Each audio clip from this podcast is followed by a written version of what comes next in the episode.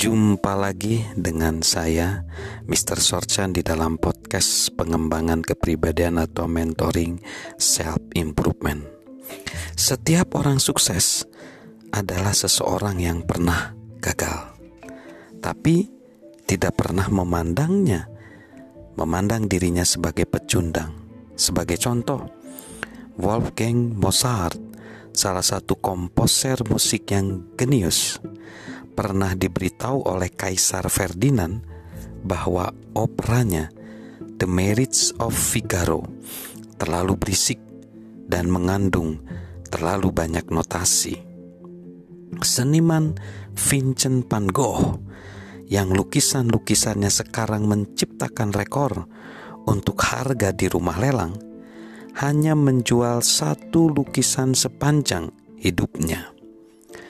Thomas Alva Edison, penemu paling produktif sepanjang sejarah, dianggap tidak bisa menerima pelajaran ketika masih muda.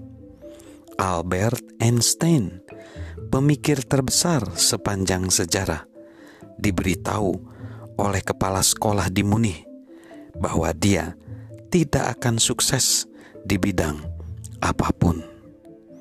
Saya rasa semua orang yang memiliki pencapaian besar punya banyak alasan untuk percaya bahwa mereka adalah pecundang.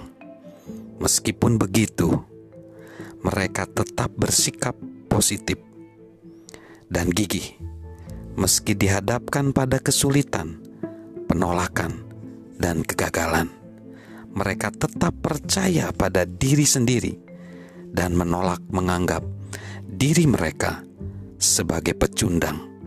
Mereka memilih membangun sikap yang tepat dalam menghadapi kegagalan.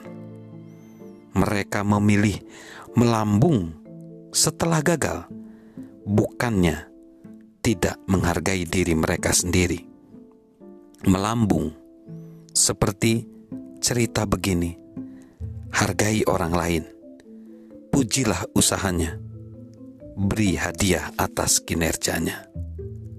Jadi, tidak peduli di mana pun saya gagal atau berapa banyak kesalahan yang saya buat, saya tidak membiarkannya mengurangi harga diri saya sebagai pribadi. Sebab, seperti sebuah pepatah mengatakan, Tuhan menggunakan orang-orang yang gagal karena tidak ada jenis lain yang ada membangun sikap positif tentang diri kita tidak mustahil dilakukan, terlepas dari keadaan yang kita hadapi saat ini atau secara hidup kita. Melambung setelah gagal. Salam good attitude dari saya, Mr. Sorchan.